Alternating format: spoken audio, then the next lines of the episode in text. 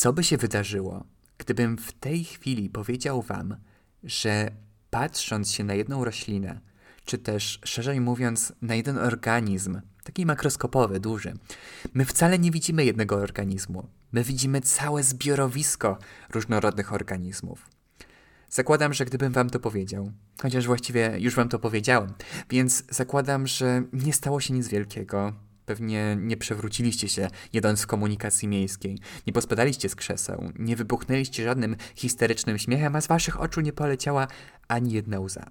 Mimo to, mam nadzieję, że w waszej głowie wybrzmiało chociaż takie małe Wow, o czym on mówi, to musi być totalnie ekscytujące. I mówię wam, to jest totalnie ekscytujące. Wy już mnie tam trochę znacie. I mm, na pewno wiecie, że jestem trochę dziwny, że lubię mówić o właśnie takich dziwnych rzeczach, że czasami mówię nieskładnie, że często się powtarzam, ale przede wszystkim e, wiecie, jakie treści tutaj zwykłem przedstawiać. I myślę, że dla tej części z Was, która przesłuchała przynajmniej kilku odcinków, nie będzie to żadnym zaskoczeniem, jeżeli powiem, że organizmy nigdy nie są odizolowane od innych organizmów. One nigdy nie są odosobnione. Zawsze żyją z jakimiś tam innymi organizmami i tworzą między sobą różnego rodzaju relacje, bliższe lub dalsze. I to jest trochę tak jak u ludzi. Te relacje mogą być napięte, mogą być przyjacielskie, mogą być romantyczne. Organizmy mogą być w stosunku do siebie takimi frenemi, z tak zwanymi, albo mogą się zachowywać wobec siebie jak takie mean girls, girls. Trudne słowo to girl, ale wiecie o co chodzi, nie muszę tłumaczyć. W każdym razie dzisiaj przyszedłem do Was żeby opowiedzieć Wam o właśnie takiej bardzo bliskiej relacji, którą trochę trudno zdefiniować i zaszufladkować. A mianowicie chcę Wam opowiedzieć o endofitach. O endofitach, które żyją razem z roślinami. Ech, znowu te rośliny, możecie powiedzieć. Maciek, jaki ty jesteś nudny, że ty w kółko tak o jednym mówisz. Ale co ja wam na to poradzę, że rośliny, a równi z grzybami, są moimi absolutnie ulubionymi organizmami i otrzymują o wiele za mało uwagi. Jestem tutaj po to, żeby to trochę zmienić. Zresztą nikt mi nigdy nie zarzucił, że jestem taki monotematyczny i bardzo dobrze. I nie muszę się w ogóle tłumaczyć.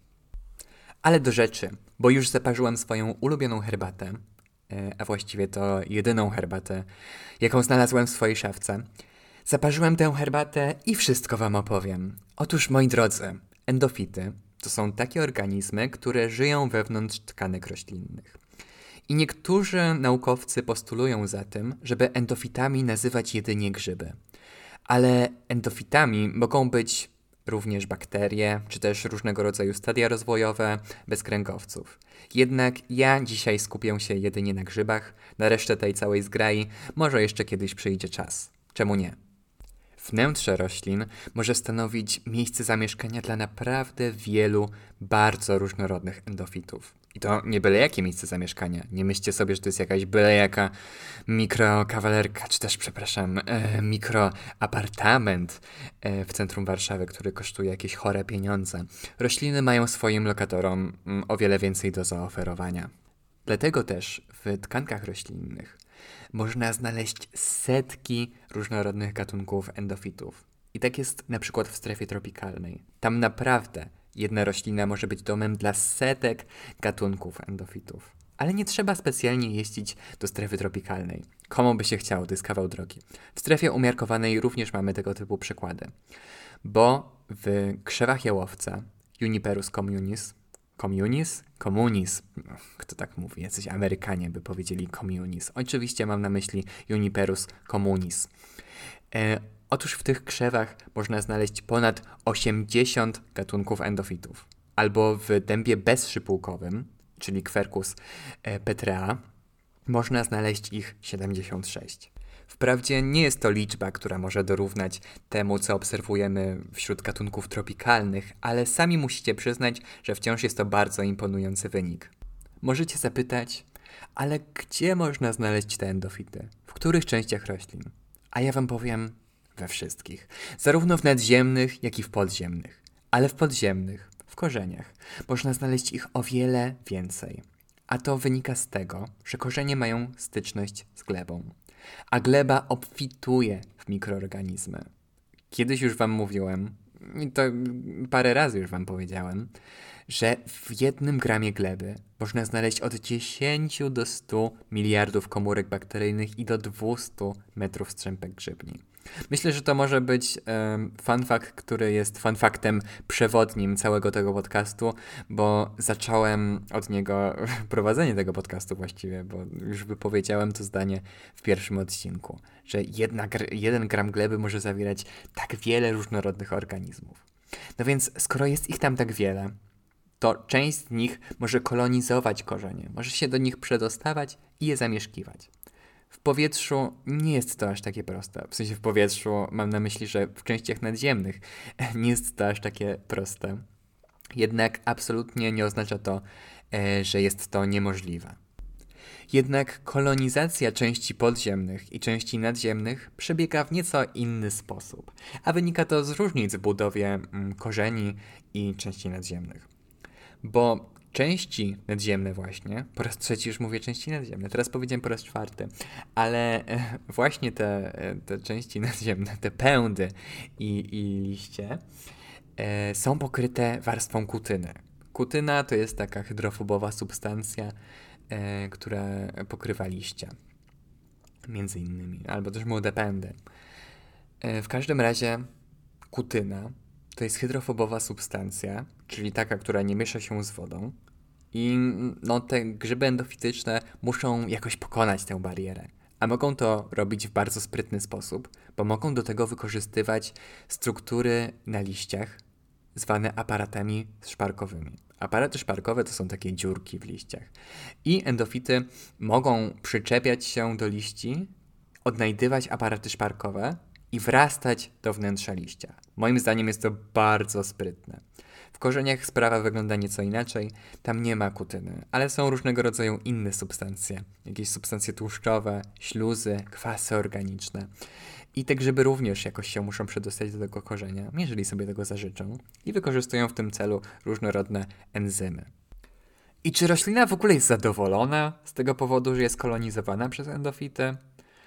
Mm, no nawet jeżeli tak, to stara się tego nie okazywać. Ba, ona może nawet skrywać niedostępną i w odpowiedzi na kolonizację przez endofity może uruchamiać reakcje obronne, skierowane właśnie przeciwko tym organizmom, bo mogą się one okazać patogenami. Ale do tych relacji to jeszcze przejdziemy później. Te reakcje obronne mogą być naprawdę bardzo różnorodne bo mogą polegać na tym, że roślina zwiększa grubość ścian komórkowych, aby utrudnić przedostawanie się um, endofitów do wnętrza tkanek. Oprócz tego też może zwiększyć odkładanie ligniny, która jest składnikiem strukturalnym i ona również utrudnia to przedostawanie się do wnętrza tkanek roślinnych. Ale oprócz tego ta obrona może przyjąć bardziej biochemiczny charakter. Roślina może produkować różnego rodzaju związki utleniające, które w bezpośredni sposób szkodzą endofitom. Oprócz tego też mogą wydzielać związki fenolowe, które również y, są toksyczne dla mikroorganizmów i utrudniają przedostawanie się endofitów do wnętrza ciała rośliny. No więc jak widać, roślina woli dmuchać na zimne. I bardzo dobrze, że to robi. Bo jak się zaraz przekonamy, endofity oprócz tego, że mogą korzystnie wpływać na funkcjonowanie rośliny, to mogą być e, też takimi ukrytymi patogenami, które tylko czekają na to, żeby te reakcje obronne rośliny się osłabiły i wtedy przejdą do ataku na tkanki roślinne.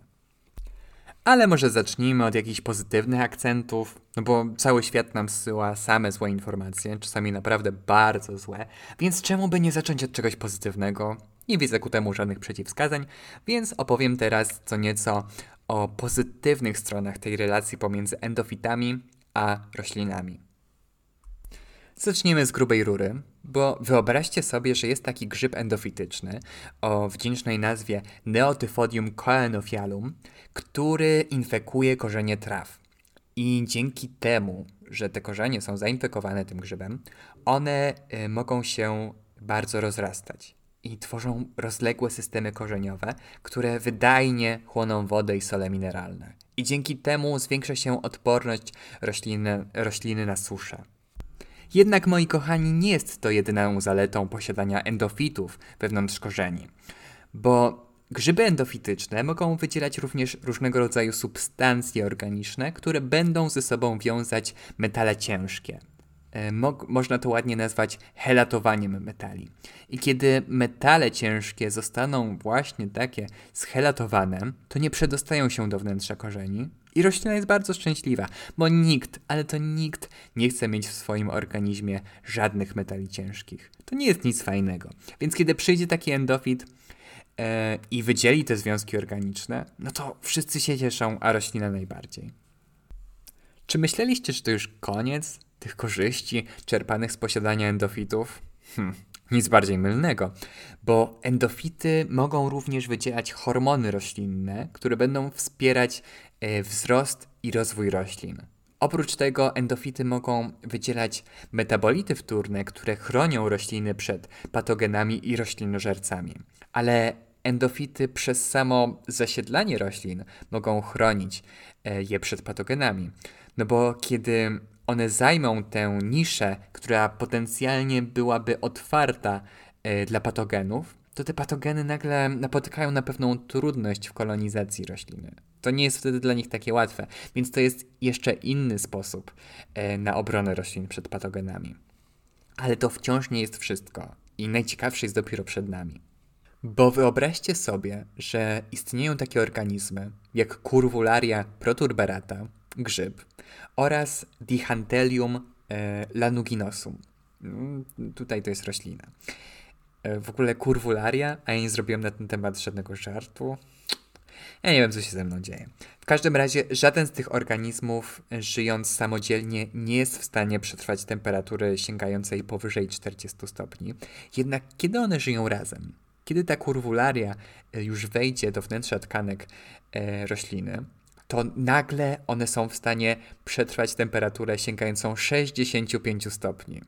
Fantastyczne, prawda? Ja, to jest dla mnie nie do, nie do pomyślenia, że, mm, że symbioza tych organizmów y, może doprowadzić do aż takiego zwiększenia tolerancji termicznej. Fantastyczne, prawda? No, nie jest to do końca wyjaśnione, ale być może dzieje się tak dlatego, że posiadanie E, tego endofita przez, e, przez roślinę może zwiększać jej tolerancję na substancje utleniające, które są wydzielane pod wpływem stresu. Być może tak jest, ale no, ten mechanizm nie jest do końca poznany. Jednak to nie zmienia faktu, że to wszystko jest niezwykle osobliwe i naprawdę fascynujące, ale też przede wszystkim piękne. E, ja tu bardzo często mówię o tym, że te wszystkie zjawiska zachodzące wśród organizmów żywych są też bardzo piękne i przez samo to zasługują na nasz podziw.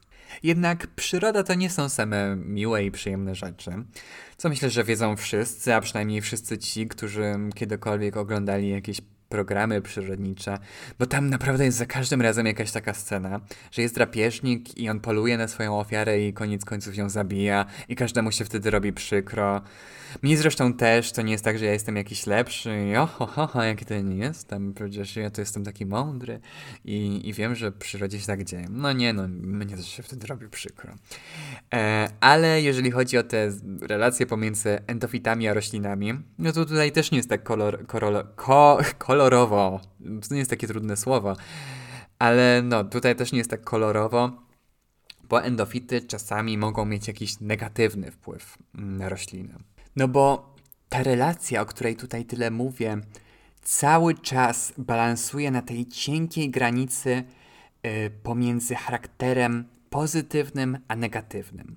No bo endofit, który pierwotnie y, miał korzystny wpływ na roślinę, przy drobnej zmianie warunków albo podczas starzenia się rośliny może nagle stać się patogenem.